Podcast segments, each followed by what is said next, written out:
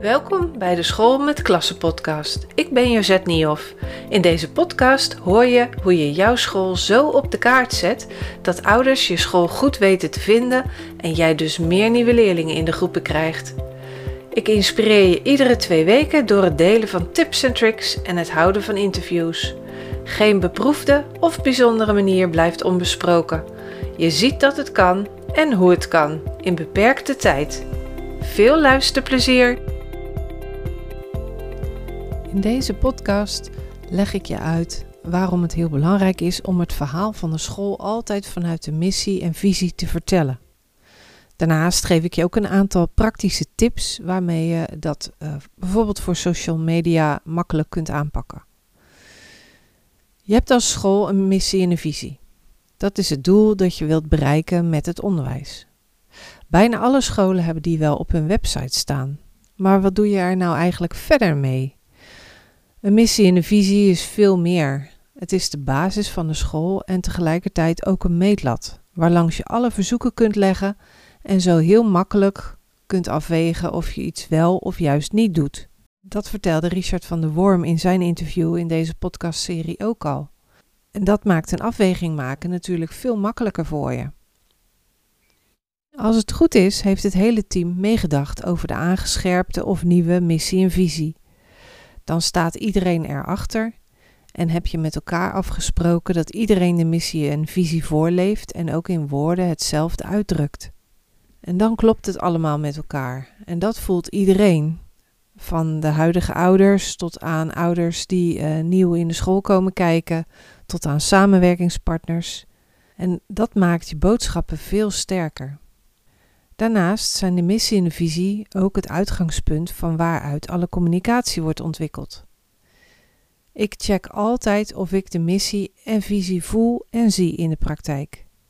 Want ik zorg dat alle middelen de missie en visie duidelijk naar voren laten komen. De sterke punten komen hieruit voort, dus eigenlijk kan je niet anders. Wat wel heel belangrijk is in je communicatie, is dat je volledig bent en ook goed uitlegt hoe iets werkt op school. Want doe je dat nou niet, dan heb je de kans dat iets helemaal verkeerd wordt uitgelegd. Wanneer een school bijvoorbeeld aangeeft dat ze werken met leerpleinen, dan leren ze de kinderen ook hoe ze met die vrijheid, zogenaamde vrijheid, om kunnen gaan. Ik zorg dat ik dat in de communicatie altijd heel goed uitleg en benadruk. Voor mensen in het onderwijs is dit logisch, maar voor ouders natuurlijk niet. Veel mensen weten namelijk niet hoe leerpleinen werken en wat leerlingen daar doen of hoe ze begeleid worden. Ze herleiden dit dan aan verhalen die ze horen of eigen ervaringen op werkpleinen. Hetzelfde geldt natuurlijk ook voor uh, bewegend leren. Dit is ook iets wat een heel goede uitleg nodig heeft met voorbeelden.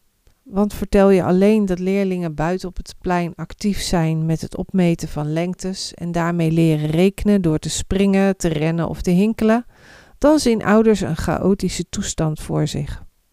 Waarbij sommige kinderen misschien hun best doen, maar lang niet iedereen.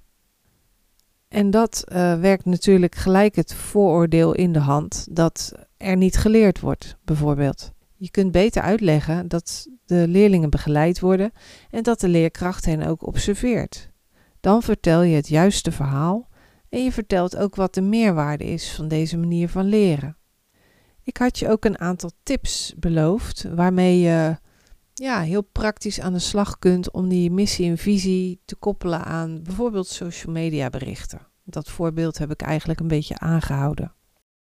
Tip 1. Hoe pak je het praktisch aan om een verhaal te koppelen aan je missie en visie? Je plaatst natuurlijk al regelmatig berichten op social media. Plaats dan een foto met een korte tekst over een situatie of opdracht, waarbij je met een hashtag extra duidelijk maakt over welk onderwerp het gaat. Natuurlijk blijkt dat ook al heel erg duidelijk in het bericht zelf.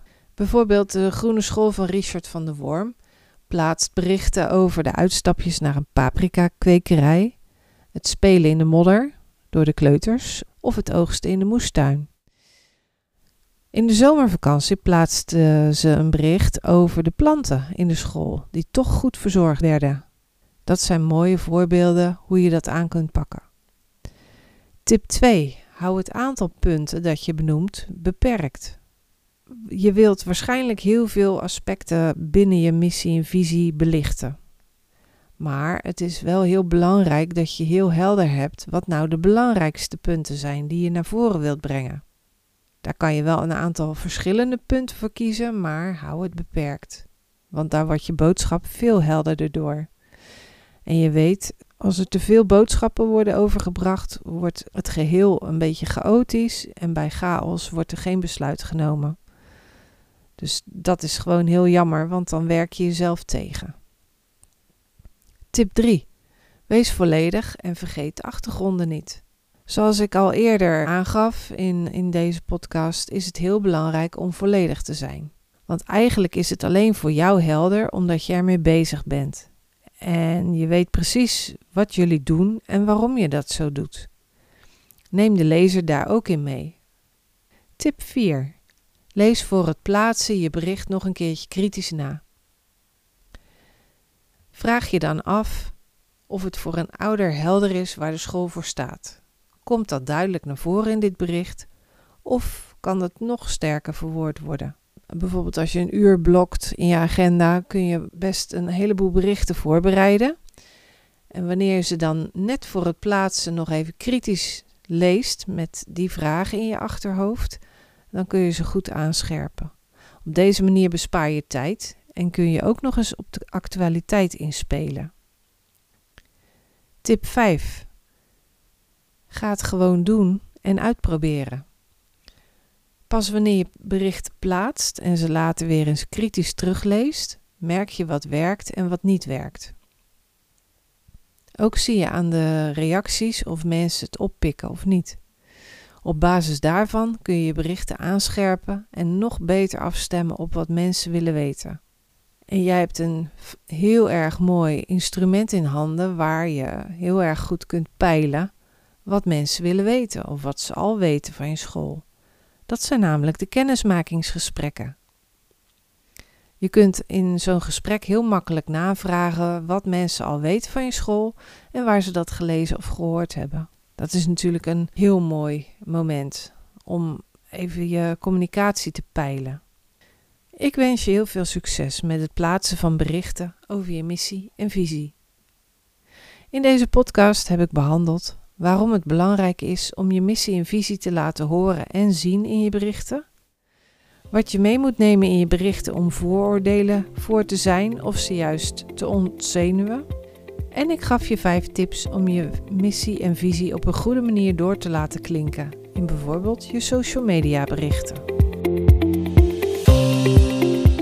Heel erg leuk dat je luisterde naar deze podcast. Voordat ik afsluit heb ik nog een paar belangrijke dingen.